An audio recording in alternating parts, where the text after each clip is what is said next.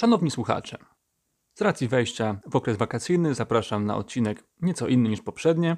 Odcinek nieco lżejszy, nieco mniej analityczny, taki bardziej prostolinijny, a jednocześnie o wiele bardziej krajoznawczy. Przeniesiemy się dziś na Sardynię, wakacyjny raj, który oprócz najpiękniejszych w Europie plaż i krystalicznie czystego morza, skrywa dużo, dużo więcej. Tysiące ciekawych historii, w tym również historii kryminalnych, w szczególności związanych z bandytyzmem. Zamiast zwykle towarzyszącej nam tarantelli, posłuchamy dziś utworu Non poto reposare, sardyńskiej pieśni o miłości, która stała się de facto hymnem wyspy. Utwór ten przez ponad 100 lat swojego istnienia doczekał się dziesiątek, jak nie setek wykonań. Ostatnio został odświeżony m.in. przez dwukrotnego uczestnika Eurowizji Mamuda. Ja szczególnie polecam uwadze wykonanie Andrei Parodiego, który tym utworem zakończył ostatni swój koncert nieco na miesiąc przed swoją przedwczesną śmiercią. Link do tego wykonania załączam w opisie odcinka. Natomiast autorem słów do tej pieśni jest niejaki Salvatore Sini, z zamiłowania poeta, z zawodu adwokat, podobnie jak zapewne wszystkim znany Jan Brzechwa. Czy Salvatore Sini bronił jakichś sardyńskich bandytów? Prawdopodobnie nie, ponieważ był cywilistą, ale na potrzeby zawiązania historii możemy nawet przyjąć, że tak. A więc il banditismo, bandytyzm. Cóż to właściwie takiego jest? Był to fenomen powszechny w całych południowych Włoszech i na Sardynii, obecny no właściwie niemalże od zawsze, na pewno od średniowiecza, ale o szczególnym znaczeniu historycznym w XIX wieku. Bandyci to rzecz jasna lokalne grupy przestępcze, które mieszkały na wsiach, czasami prowadziły taki koczowniczy tryb życia, rabowały przyjezdnych, rabowały bogatych i wśród miejscowej ludności zyskały taki pewien romantyczny status. Czy dlatego, że jak Robin Hood dzielili się łupami z biednymi? No, może niekoniecznie, ale mieli inne zalety. Przede wszystkim byli swoi. Byli lokalnymi patriotami, miłującymi naturę, miłującymi wolność, a jednocześnie mający swoje zasady, swój honor. I kiedy przyszła na to potrzeba, dzielnie bronili południa Włoch przed kolonizatorami z Piemontu, dając opór tzw. Tak jednoczeniu Włoch. Na południu bandyci nazywani są briganti. I tu kontynuując wątek muzyczny, mogę polecić utwór Brigante se more, czyli bandytą się umiera, doskonale oddający ducha tamtych grup właśnie w połowie XIX wieku. Jak jednak wiemy, zjednoczenie Włoch, a więc ta kolonizacja, jednocześnie nieuchronna cywilizacja południa nastąpiła i tak naprawdę fenomen bandytyzmu na początku XX wieku był już praktycznie marginalny, chociaż na Sycylii niektóre grupy, w szczególności grupa bandyty Salvatore Giuliano, stawiała opór państwu włoskiemu jeszcze po II wojnie światowej. Z kolei na Sardynii bandytyzm przetrwał o wiele dłużej. Wyspa ta bowiem, a w szczególności jej środek, do dziś utrzymuje znaczącą społeczną i kulturową odrębność i niezależność od reszty Włoch. Tam ludność na bandytów mówi balentes, czyli odważni, zuchwali. Sercem Sardynii jest Barbadża, region leżący w środku wyspy, w jej północno-wschodniej części, obejmujący miejscowości wokół góry Supramonte, majestatycznego i tajemniczego szczytu, który dominuje tamtejszy krajobraz. W takich miasteczkach jak Orgozolo, Oliena, Mamojada do dziś czuć bardzo specyficzną atmosferę. Przechodząc tamtejszymi uliczkami, cały czas czuje się na plecach wzrok miejscowych i transmitowany przez nich niewerbalnie przekaz: My wiemy, że nie jesteś stąd. Sardyńczycy, w szczególności ci z Barbadzi, są odrębni kulturowo, historycznie, językowo, a nawet genetycznie. Charakteryzuje ich nadzwyczajnie wysoka średnia długość życia, żyje tam wielu 90-latków, nawet 100-latków, a ciekawostką genetyczną jest również dziedziczny niedobór dehydrogenazy glukozy 6-fosforanowej nazywany fawizmem, który łączy się ze śmiertelnym zagrożeniem w razie zjedzenia przez nich bobu, który paradoksalnie jest też tam pewnym przysmakiem. Oprócz tego są niscy, czarnowłosi, a także charakterni, pracowici i bardzo honorowi. Doskonałym tego przykładem jest prawdopodobnie najbardziej rozpoznawalny na świecie reprezentant tego regionu, czyli Gianfranco Zola, ikoniczny piłkarz drugiej połowie lat 90. W Barbadzi mają swoje zasady, a także swoje prawa, a nawet swój kodeks. Przewiduje on m.in. karę chłosty dla mężczyzny, który zerwie zaręczyny, a także dopuszcza prawo zemsty, które powoduje, że krwawe konflikty pochłaniające ofiary raz po jednej, raz po drugiej stronie toczą się pomiędzy tamtejszymi rodzinami od pokoleń tak naprawdę. Trochę jak na Sycylii. Spośród wszystkich postaci w sardyńskim uniwersum najważniejsza jest figura pasterza. Na wyspie żyje dwukrotnie więcej owiec niż ludzi.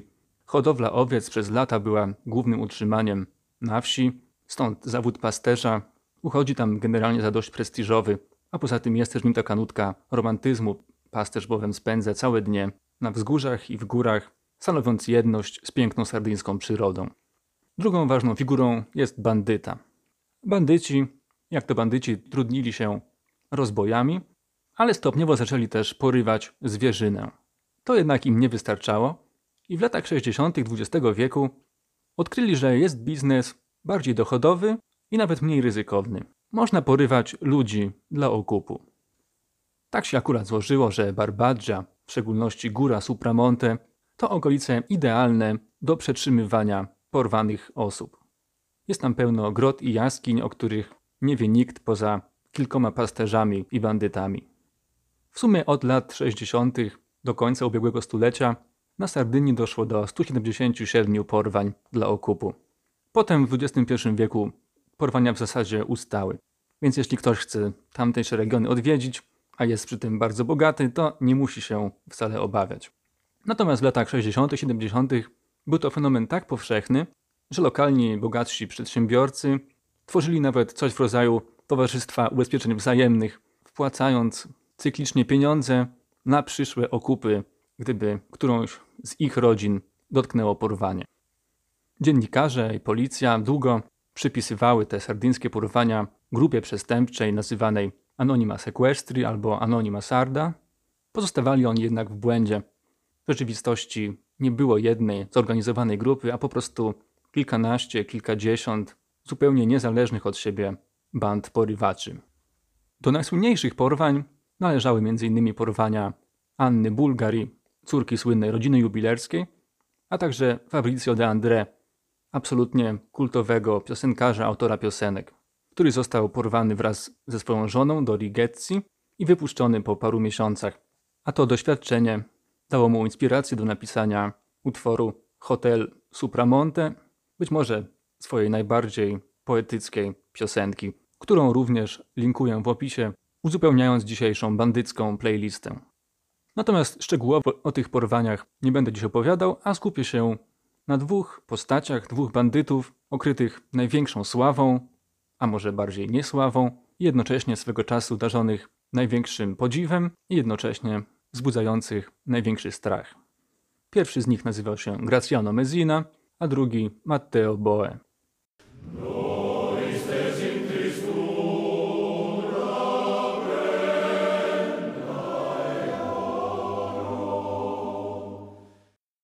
Graciano Messina, zwany często zdrobniale Grazianeddu, przyszedł na świat w 1942 roku w Orgosolo. Był synem pasterza, przedostatnim z 11 dzieci. Grazianeddu od małego sprawiał problemy. Już po piątej klasie podstawówki nie kontynuował edukacji, przestał chodzić do szkoły po tym jak uderzył swoją nauczycielkę, a w wieku lat 14 usłyszał pierwszy wyrok za nielegalne posiadanie broni. W wieku lat 18 zostaje pierwszy raz aresztowany, znów za posiadanie broni oraz za strzelanie z niej w miejscu publicznym. Graciano udaje się jednak z aresztu błyskawicznie uciec, wyważając drzwi od celi. Ucieczki zresztą miały się potem stać jego znakiem firmowym. Do więzienia jednak wraca. Rodzina namówiła go, że lepiej jednak ten wyrok odsiedzieć i mieć potem spokój. Jednak w czasie, gdy Graciano odsiedywał karę w więzieniu, miało miejsce wydarzenie, które na dobre ustaliło jego drogę życia. Otóż porwany został Pietrino Krasta, lokalny przedsiębiorca. Przedsiębiorca, dodajmy, bardzo lubiany i szanowany przez mieszkańców, a poza tym do porwania doszło w okresie, w którym zadeklarowano przerwę od porwań. Porwanie Krasty było więc niehonorowe, a wręcz hańbiące, ponieważ przedsiębiorca został ostatecznie zamordowany, a kodeks honorowy bandytów nakazywał generalnie traktować dobrze swoje ofiary. Na komisariat w Orgozolo dociera anonimowy list, który oskarża o tę zbrodnię rodzinę Mezina. Graciano i jego bracia zostają aresztowani. Tylko jednemu z nich udało się uciec obławie i przez kilka tygodni ukrywać i zbierać dowody na niewinność swojej rodziny. Ta sztuka mu się udała. Udowodnił, że w rzeczywistości zarówno za zbrodnią, jak i za anonimowym listem stały skoligacone ze sobą rodziny Mereu i Muskał, od pokoleń wrogie rodzinie Mezina. Bracia wychodzą więc na wolność, ale 18-letni Graciano nie zamierza oddawać aparatowi państwa wymierzenia sprawiedliwości i postanawia sam ją wymierzyć, kierując się kodeksem honorowym. W wigilię roku 61 wchodzi do baru w Orgozolo i strzela. Trafia Luigiego Mereu, członka wrogiej rodziny. Mereu przeżył, a Graciano zostaje wkrótce aresztowany. W więzieniu w Nuoro nie można Graciano nawet na chwilę spuścić z oka. Pewnego dnia był on transportowany pociągiem do Sassari, gdzie miał odbyć się jego proces w innej jeszcze sprawie, zresztą bardzo dla niego emblematycznej i dowodzącej, że Graciano rzeczywiście był człowiekiem o żelaznych zasadach. Otóż jeszcze przed całą sprawą z porwaniem Krasty, z tym konfliktem między rodzinami, inny sąsiad rodziny Mezina zastrzelił psa należącego do Gracjano i powiedział, że to dlatego, że ten pies kradł mu winogrona. Gracjano na to powiedział sprawdzam, rozpruł psa i kiedy nie znalazł tam winogron, tak pobił sąsiada, że usłyszał potem zarzut próby zabójstwa. I właśnie jadąc na proces w tej sprawie, wyskakuje z pociągu i ucieka. Tym razem jednak ledwie na kilka dni. Zaraz później trafia znowu do więzienia w Nuoro, ale znów nie na długo. Tym razem wymyśla inny sposób ucieczki. Podcina sobie żyły w nosie, zostaje przeniesiony do więziennego szpitala. Tam wyskakuje z okna i kiedy szuka go cała okoliczna policja, zachowuje się bardzo sprytnie. Zamiast uciekać, postanawia zostać trzy dni i trzy noce na terenie więzienia, a dokładniej w rurze kanalizacyjnej, którą zostawili tam robotnicy wymieniający kanalizację na dziedzińcu więziennego szpitala, a więc w miejscu, gdzie nikt by go nie szukał.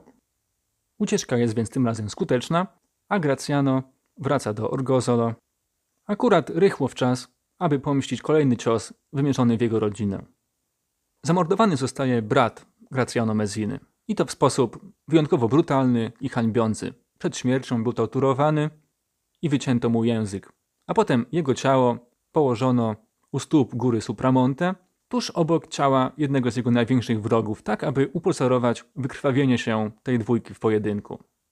Graciano w tą wersję jednak nie wierzy i oskarża o całą sprawę wrogie rodziny Mereu i Muskał, które jego zdaniem zemściły się za oskarżenie ich o to wcześniejsze porwanie Pietrino Krasty. Graciano, tak jak i poprzednio, bierze sprawę w swoje ręce, wchodzi do nieistniejącego już baru Canavedda w centrum Orgosolo, krzyczy patrzcie, tak ginie Muskał, brat za brata i strzela. Na ziemię pada Andrea Muskał, martwy. A Graciano w tym całym zamieszaniu dostaje cios butelką w głowę. Traci przytomność i zostaje aresztowany, a następnie skazany na 24 lata pozbawienia wolności. Tak jak i poprzednio, nieustannie próbuje uciekać, a jednocześnie zwiedza po drodze wiele różnych więzień. Raz udało mu się uciec z pociągu poprzez dziurę w pociągowym klozecie. Po tym wydarzeniu jednak sam się zgłosił do więzienia, ponieważ, jak twierdził, nie chciał robić problemów strażnikowi, który był za niego wtedy odpowiedzialny. Potem ponownie i znów na krótko ucieka ze szpitala, a w końcu po czterech latach, w roku 1966, ucieka skutecznie, na dłużej i w sposób niezwykle spektakularny. Wraz z kolegą z więziennej celi, Hiszpanem Miguelem Atiencą, przedostaje się przez siedmiometrowy mur więzienia w Sassari, znajdującego się w całym centrum miasta, a następnie taksówką wraca do Orgosolo, ponoć przebrany za księdza.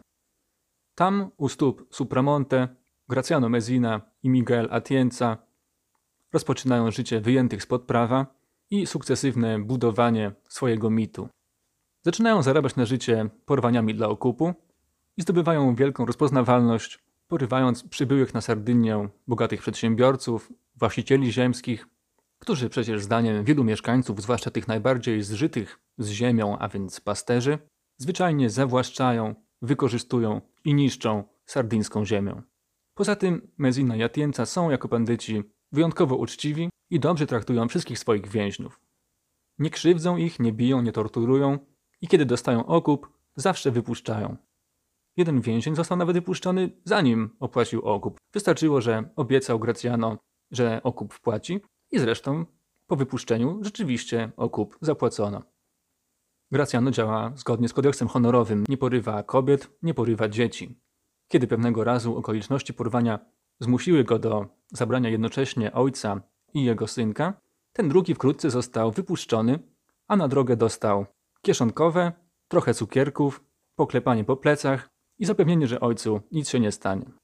Graciano Mezina i jego banda, jako naturalni liderzy, wojownicy, a także patrioci, zdobywają wielkie zainteresowanie silnych na Sardynii ruchów separatystycznych.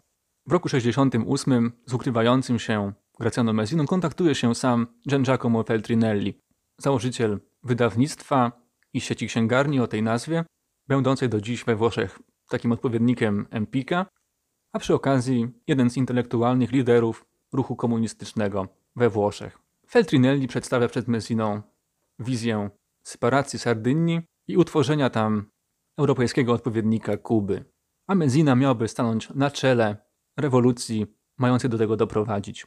Oczywiście wizja niezależności podoba się Grazianeddu, ale jednak stanowczo odmawia on Feltrinelliemu. Dla niego bowiem ten intelektualista był tylko kolejnym najeźdźcą z kontynentu, który, tak jak inni i cały włoski rząd, nie rozumiał i nie szanował Sardynii.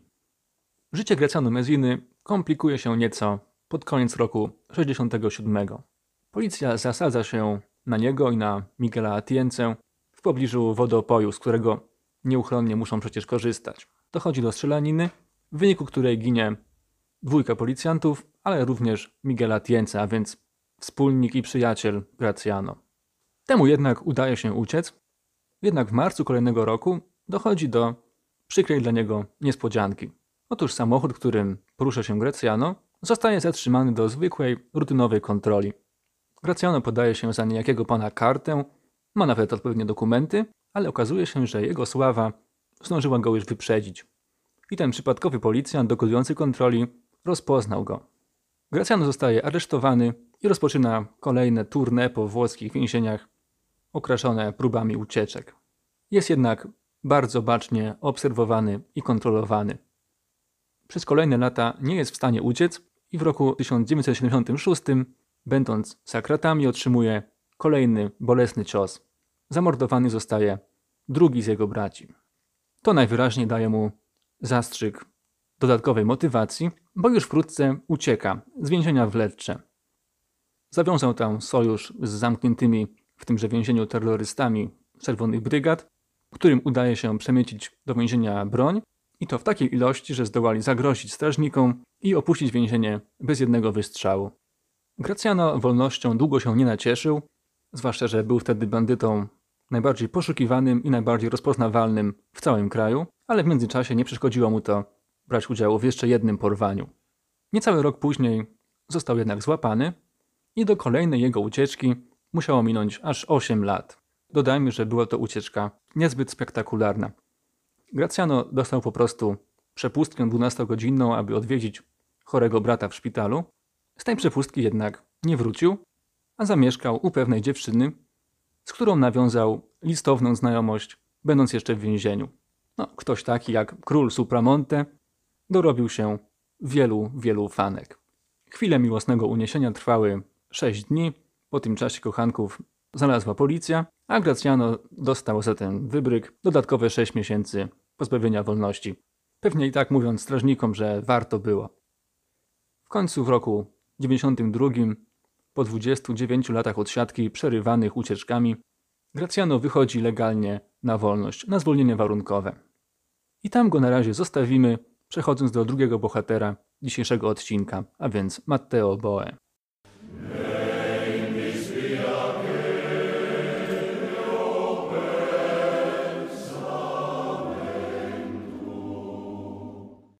Matteo, a właściwie Maffeu Boe, urodził się w 1957 w miasteczku Lula, 40 km na północ od Supramonte, będącym jednak niezmiennie nieskalaną Sardynią. W okolicznych grotach ukrywało się wielu poszukiwanych przestępców, a także magazyny broni miały czerwone brygady. Lula nazywana była miasteczkiem bomb, dzikim zachodem zamieszkanym przez anarchistów. Niechęć do państwa w ogóle, a do państwa włoskiego w szczególności, była tak powszechna, że władzom ciężko było w ogóle zorganizować np. wybory burmistrza. Łącznie w latach 80. i 90. burmistrza w Luli nie było przez ponad 10 lat. Rząd włoski po prostu musiał delegować tam jakiegoś komisarza. Kiedy już udało się jakieś organy władzy wybrać, na ich życie organizowane były ataki. A to wybuchła gdzieś bomba, a to komuś podpalono samochód. Dochodziło do tego nawet w tym stuleciu, ostatni raz w 2014 roku. W takim właśnie duchu anarchistycznym, o wyraźnym odcieniu lewicowym, dorastał Matteo Boe. Zanim jednak stał się bandytą o oczach z lodu, jak później go nazywano, wyjechał na studia do Bolonii, gdzie studiował na Wydziale Nauk Rolnych. Tam w środowisku anarchokomunistów poznał miłość swojego życia, Laurę Manfredi. Miłość i pasja komunistyczna połączyły ich na dobre i na złe. Jednak na życie i na walkę o niepodległość Sardynii potrzeba znacznych środków, których sama uprawa sardyńskiej ziemi nie jest w stanie dać. Matteo wchodzi więc w branżę porwaniową. W 1983 roku porywa Sarę Nicoli, córkę bogatego toskańskiego przedsiębiorcy. Zostaje uprowadzona z willi swojego ojca w San Gimignano. Za wolność Sary zapłacony zostaje okup w wysokości 3 milionów lirów, a więc około 1,5 miliona euro. Matteo Boe został złapany niecały rok po wypuszczeniu Sary i dostał za jej porwanie wyrok stosunkowo łagodny. A to ze względu na to, że traktował ją w niezwykle dobry, ludzki sposób. Cały czas czuwał przy Sarze tak, aby żaden z porywaczy nie mógł jej skrzywdzić. Przy okazji pożyczał jej do czytania książki, m.in. Dostojewskiego, rozmawiał z nią, a nawet, już po jej wypuszczeniu, zadzwonił do niej, chcąc złożyć życzenia urodzinowe. Paręnaście lat jednak musiał odsiedzieć i zdecydowano, że karę odbędzie w więzieniu na wyspie Azinara. Jest to wyspa leżąca kilka kilometrów od wybrzeża Sardynii, od jej północno-zachodniej części. Jest siódmą co do wielkości wyspą na terytorium Włoch. Nazywana była włoskim Alcatraz, choć to określenie, tak jak wiele podobnych określeń, jest nieco krzywdzące, ponieważ tak naprawdę Azinara jest miejscem zupełnie unikatowym. Wyspa przez stulecia była niezamieszkana albo zamieszkana jedynie przez kilka rodzin pasterzy czy rybaków, ewentualnie od Wielkiego Dzwona znalazł tam schronienie jakiś korsarz czy uciekinier.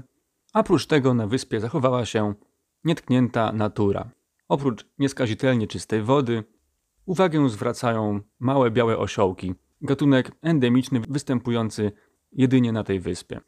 Ta idylla skończyła się jednak w połowie XIX wieku wraz z przyjściem państwa włoskiego.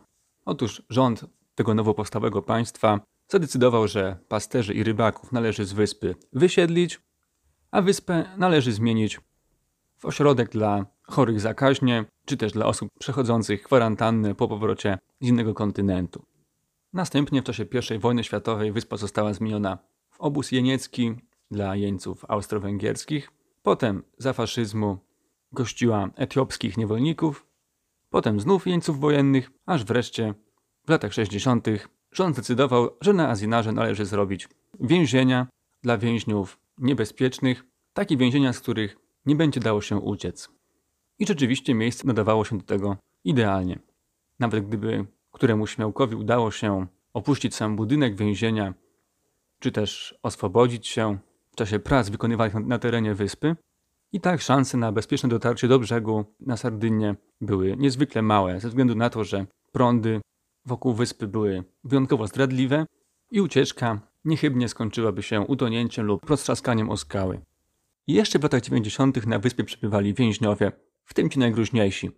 Ostatnim więźniem wyspy Azinara był Salvatore Rina, domniemany szef wszystkich szefów mafii sycylijskiej, który zresztą mieszkał tam w specjalnie wybudowanym dla niego budynku nazywanym bunkrem.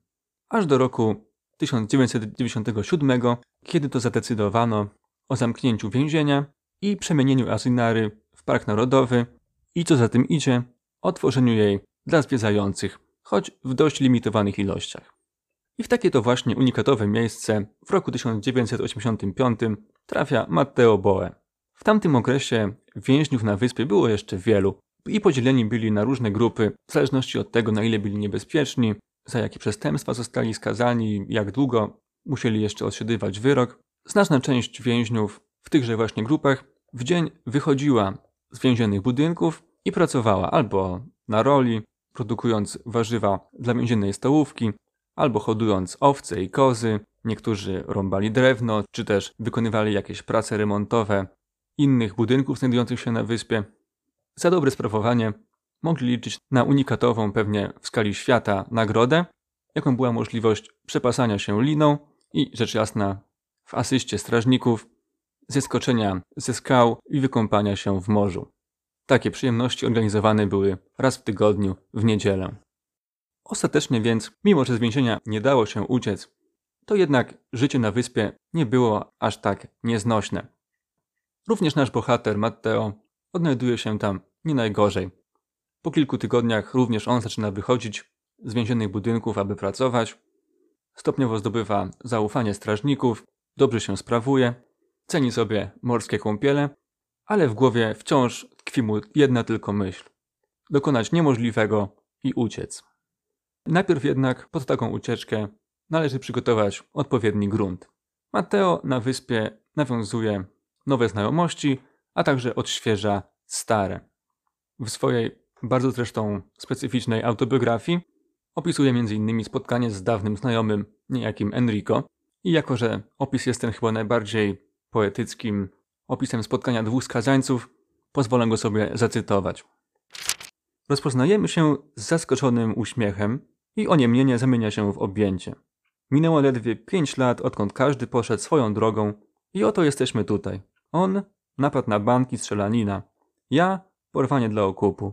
Podobne drogi, ta sama stacja końcowa. Ów Enrico siedzi na wyspie już 5 lat i właściwie jego kara dobiega pomału końca. Z tego powodu został on oddelegowany do zajmowania się owcami, a przy tym nie był zbyt bacznie obserwowany przez strażników i właściwie mógł się poruszać dosyć swobodnie po znacznej części wyspy, pod pretekstem wypasania owiec.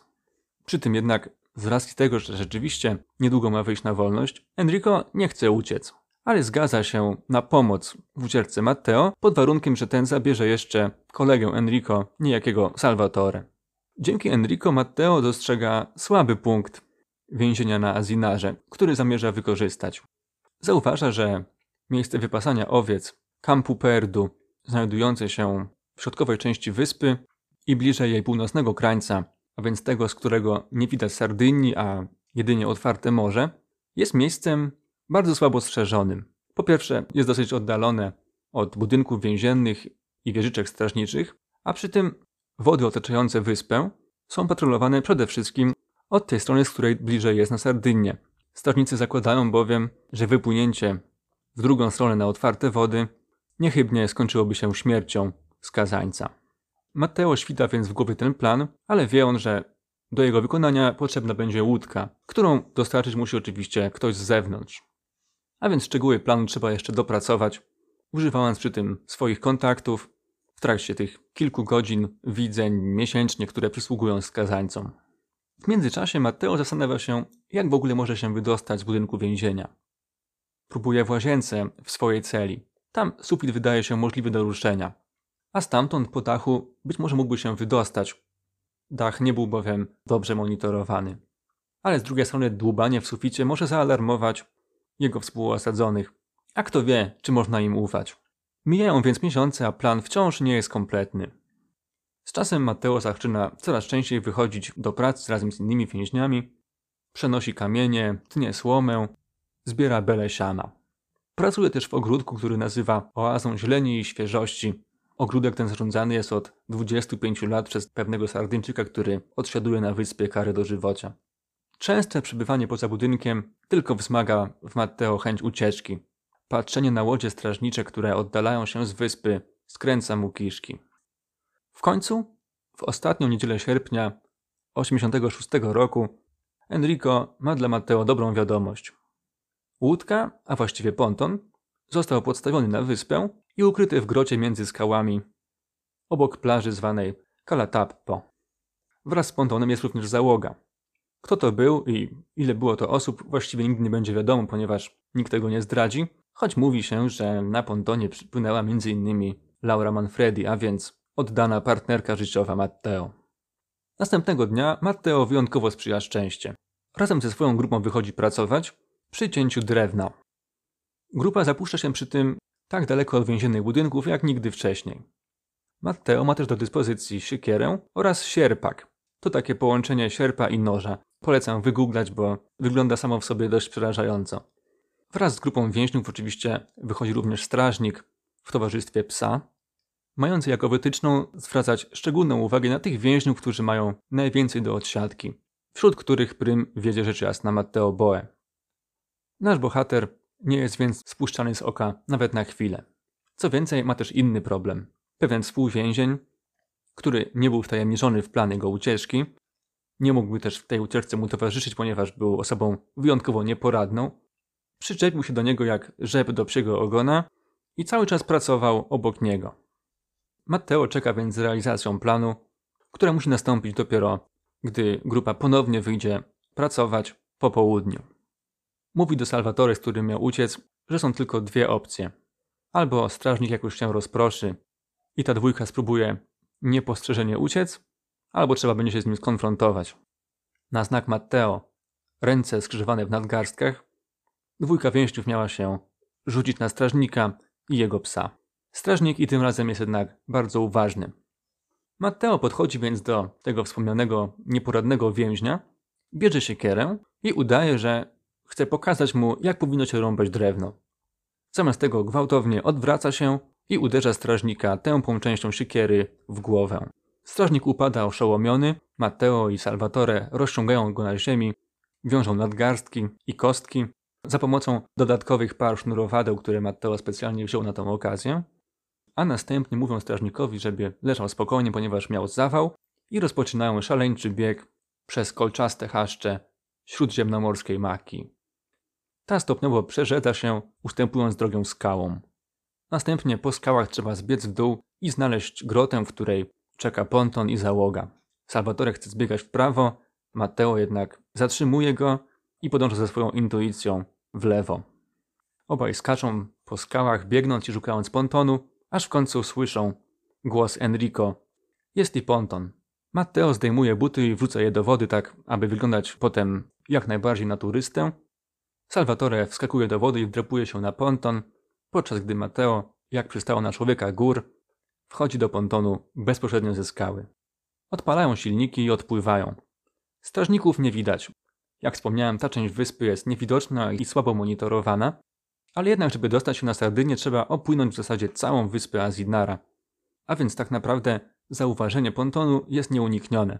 Trzeba po prostu liczyć na to, że nie wzbudzi on niczyich podejrzeń i zostanie uznany za należący do turystów. Tu znów cytat z tej poetyckiej autobiografii Matteo. Czekam. Moje pragnienie śpiewa pozbawione mocy na gładkim morzu. Ach, morze, również ono, jak ziemia, ma swoje reguły i swoje czasy. Kocha pieszczoty ludzi, przyciąga je aksamitnymi iluzjami. Kto wie, może czasem się z nich śmieje. Z tymi myślami Matteo kryje się we wnętrzu pontonu, nie wygląda, nie patrzy, a jedynie leży i nasłuchuje. Pewnie gdyby żył w innej części Europy, napisałby w autobiografii, że tak ucho natęża, że słyszałby nawet głos z Litwy. Matteo słyszy jednak tylko nadpływający statek. Ale to nic takiego, zwykła łódź transportowa. Ponton przepływa przez wąski przesmyk pomiędzy Azinarą a Sardynią i dopływa do portu jachtowego w Stintino. Tam Matteo i Salvatore wysiadają na brzeg. Turyści pośród turystów. Czeka na nich również samochód. Jadą na południe, w głąb wyspy, w drugą stronę mijają ich radiowozy policyjne. Ucieczka została odkryta. Ale za późno. Matteo Boe i Salvatore Duras są wolni. Jako pierwsi i jedyni zdołali uciec z włoskiego Alcatraz przez ponad 100 lat jego historii.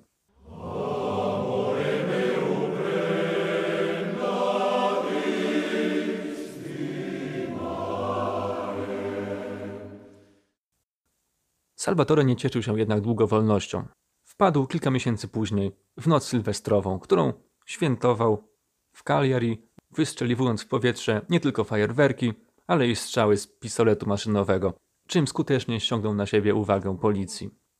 Matteo natomiast spokojnie zaszył się w najmniej odkrytej części wyspy, a więc w grotach Barbadzi, nieopodal swojego rodzinnego miasteczka. Sporadycznie przy tym widując się ze swoją ukochaną Laurą Manfredi. Czasem przemieszczał się wraz z nią na Korsykę, gdzie ta na stałe mieszkała, a w międzyczasie udało im się nawet spłodzić trójkę dzieci. Wrócił też do przestępczego fachu, którym była dla niego organizacja porwań dla okupu. Porwania uskuteczniał kilkadziesiąt kilometrów na wschód od swojej kryjówki, na szmaragdowym wybrzeżu sardyńskiej stolicy splendoru i blichtru, gdzie swoje wille mają najbogatsi ludzie Włoch i Europy, jak Silvio Berlusconi, Flavio Briatore czy Alisher Usmanow.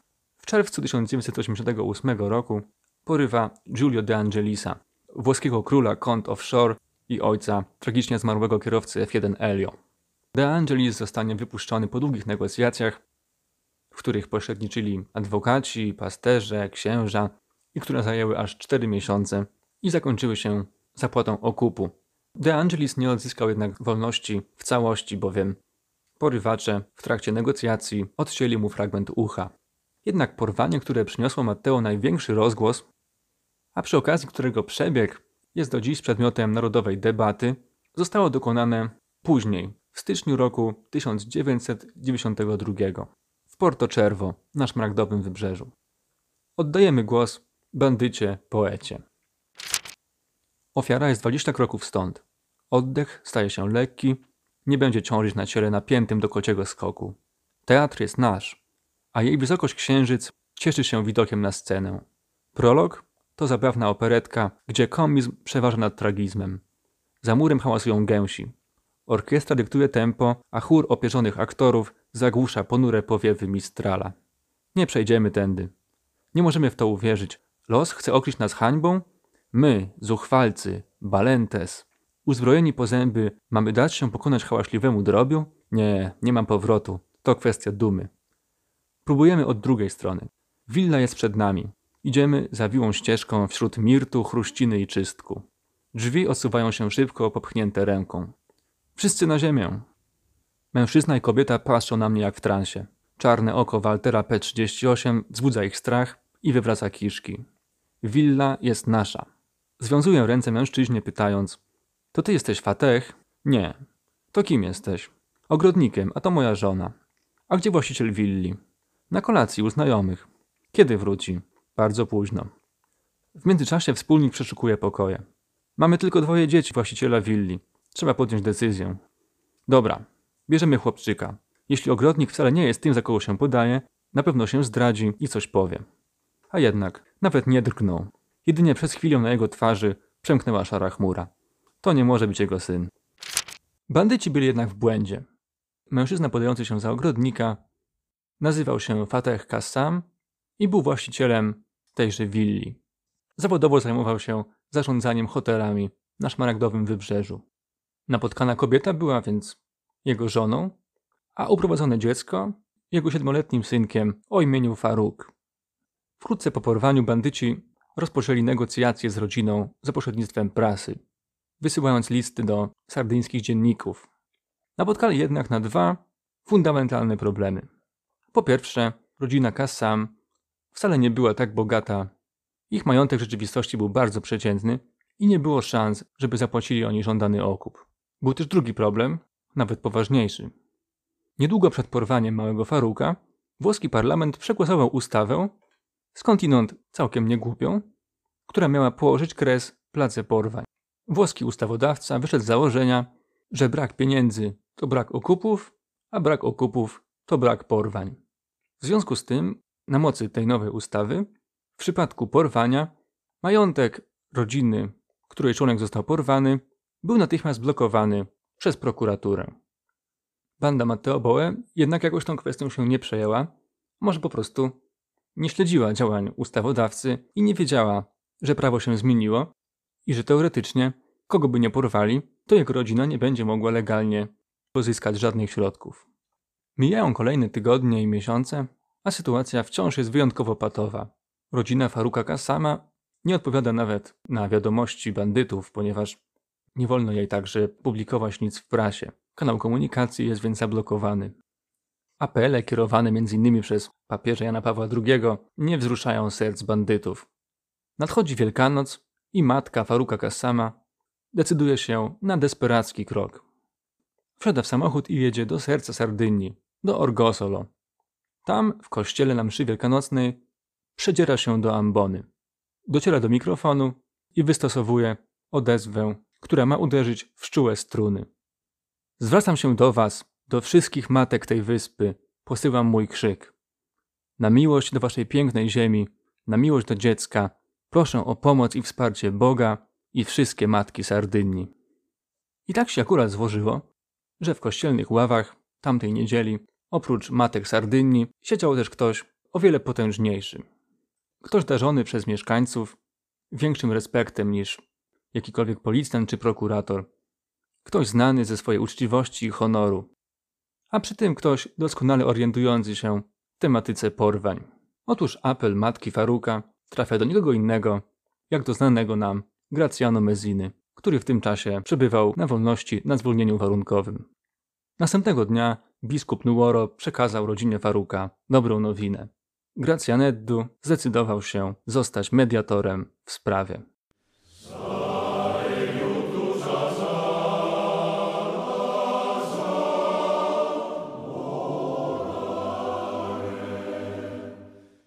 Równolegle sprawą zajmowało się też państwo, a konkretnie jego tajne służby. Za pośrednictwem Laury Manfredi, agenci włoskiej bezpieki złożyły Matteo ofertę, mającą skłonić go do poddania się. Jaką dokładnie nie wiadomo, wiadomo, że została ona odrzucona. Matteo był o wiele bardziej skory do współpracy z Graciano Mezzino. W końcu Graciano postanawia przekazać okup za pośrednictwem pewnego księdza. 600 milionów lirów zorganizowała rodzina Kassam, 400 milionów ponoć sam Graciano Messina. Do przekazania pieniędzy księdzu jednak nie doszło. Człowiek, który miał to zrobić, zauważył podejrzaną obecność jakichś ludzi, jak się potem okazało, ze służb specjalnych. I ksiądz, zaniepokojony całą sprawą, skontaktował się z Meziną i powiedział o tym, co zaszło. Na tę wiadomość Gracjano był jednak dziwnie spokojny. Powiedział mu, żeby się nie przejmował, bo dziecko niedługo i tak będzie wolne.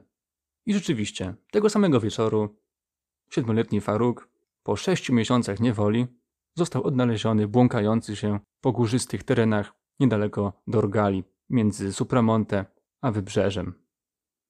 Co właściwie się wydarzyło? Mamy dwie wersje wydarzeń. Policja mówi, dziecko zostało wyzwolone dzięki działaniom naszej grupy operacyjnej, Informacje o wydaniu dziecka znanemu przestępcy nazwiskiem Mezina są fałszywe. Nie zapłacono nawet liry okupu. Majątek rodziny Kassam pozostał nietknięty. Chłopiec został porzucony przez bandytów, którzy czuli na plecach nasz oddech już od paru dni. Natomiast odmienną wersję wydarzeń przedstawia sam Graciano Messina.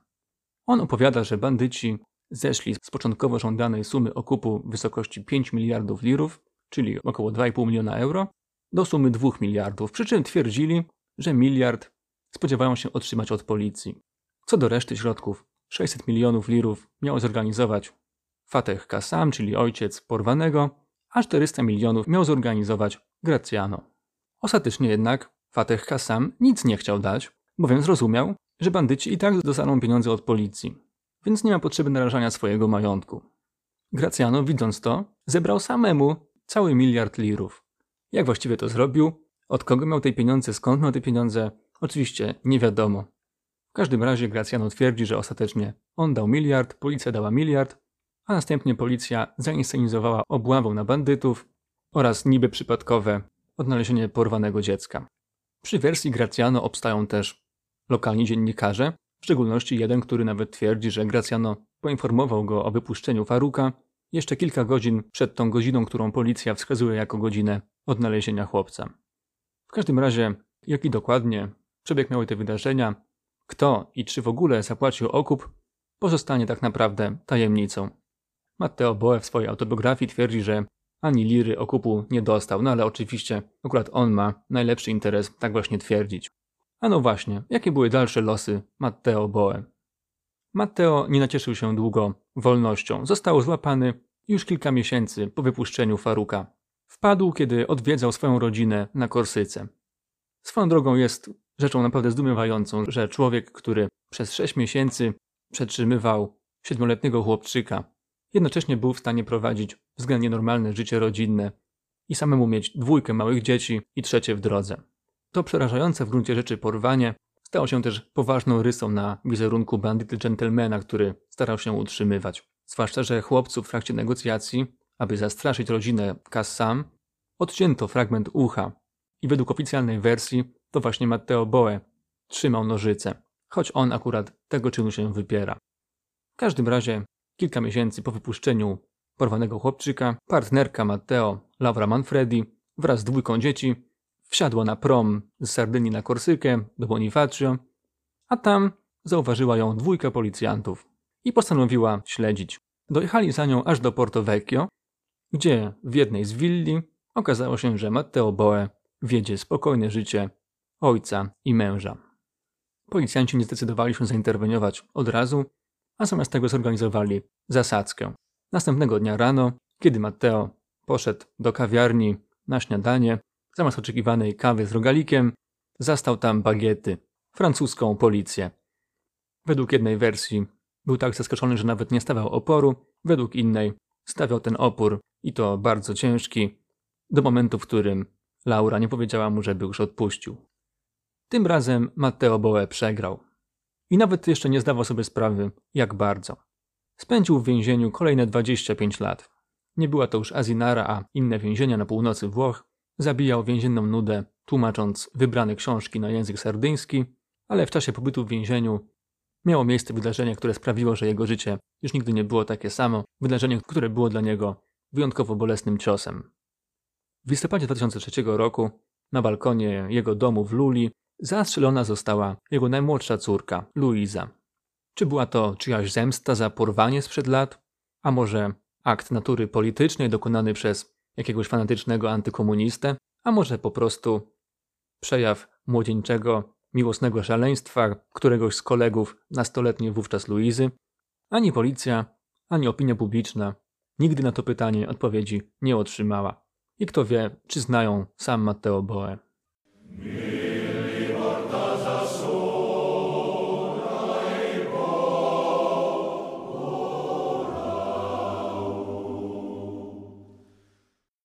Paradoksalnie Grecjano, podobnie jak Matteo, mimo że ta dwójka tym razem znalazła się po dwóch stronach barykady, wrócił do więzienia ledwie kilka miesięcy po uwolnieniu małego Faruka. Został skazany za nielegalne posiadanie całego arsenału broni oraz planowanie kolejnego porwania. Jak twierdził, nic takiego nie miało miejsca, a była to zemsta służb specjalnych za jego udział w uwolnieniu Faruka, za to, że wszedł im w paradę i też trochę ośmieszył. W każdym razie przez tę sprawę nie dość, że musiał odbyć resztę kary wcześniej zasądzonej, był przecież na zwolnieniu warunkowym, to jeszcze został skazany za kolejne przestępstwo i w wyniku kumulacji kar miał już w więzieniu pozostać dożywotnio. Zrezygnowany spędza tam kolejne lata, nawet już nie próbuje uciekać, zresztą brakuje mu już tego młodzieńczego wigoru i zuchwałości. Decyduje się jednak na krok innego rodzaju. Składa do prezydenta republiki wniosek o zastosowanie prawa łaski. I w 2004 roku niespodziewanie taką łaskę otrzymuje i wychodzi z więzienia. Uzasadnienie tej decyzji prezydenta? Gracjano i tak odsiedział już za swoje przewinienia grubo ponad 30 lat. Poza tym to skazanie na dożywocie w wyniku kumulacji kar było dosyć niefortunne. Przepisy, które na to pozwalały, obowiązywały przez bardzo krótki okres i Graciano w zasadzie było jedną z niewielu osób w ogóle we Włoszech, które to dotknęło ale nieoficjalnie oczywiście mówi się, że tak naprawdę Gracjano został ułaskawiony w dowód wdzięczności za to, co zrobił dla małego Faruka. Po wyjściu na wolność Gracjano wrócił w rodzinne strony do Orgozolo i przeszedł na emeryturę. Zarejestrował się jako przewodnik turystyczny i oprowadzał turystów po zakamarkach góry Supramonte, opowiadając przy tym historię swojego życia. Kilka lat później okazuje się jednak, że kręci też pewien biznes na boku. Biznes, który nie przysporzy mu już zwolenników, nawet wśród pasterzy Orgosolo. Mowa o handlu narkotykami. W lipcu 2020 roku Graciano ponownie ma zostać aresztowany. Pod jego dom przybywają karabinierzy, wchodzą na górę, jednak tam jest zamknięte, nikogo nie zestają. Graciano ulotnił się i tym samym w wieku 78 lat ponownie stał się poszukiwanym. I mimo tego, że został wpisany na listę najbardziej poszukiwanych przestępców we Włoszech, zdołał pozostawać na wolności przez kolejne półtorej roku. Ręka sprawiedliwości dopadła go dopiero w grudniu zeszłego roku i to po zorganizowaniu pewnie nieco pokazowej obławy z udziałem helikoptera. Obecnie Graciano jest więc w więzieniu. Na wolności jest za to nasz drugi bohater, Matteo Boe. Wyszedł w 2017 roku i wrócił do swojej rodzinnej miejscowości, do Luli, gdzie mieszka do dziś. Choć ponoć nieco się zmienił, zgorzkniał i zmienił poglądy na nieco bardziej prawicowe. Również i Matteo zarejestrował się jako przewodnik turystyczny. Może więc da się z nim skontaktować i kolejne wakacje spędzić w doborowym towarzystwie. Trzeba tylko będzie uważać na uszy. A już tak poważniej mówiąc, zachęcam oczywiście do przyjazdu na Sardynię, bardzo polecam i zapewniam, że miejsce jest bezpieczne. Dziękuję za uwagę i zapraszam na kolejny odcinek, w którym powrócimy już do tego wcześniejszego formatu, a więc jednej konkretnej zbrodni i powrócimy też do szarej, a może nawet białej północy Włoch. Do usłyszenia.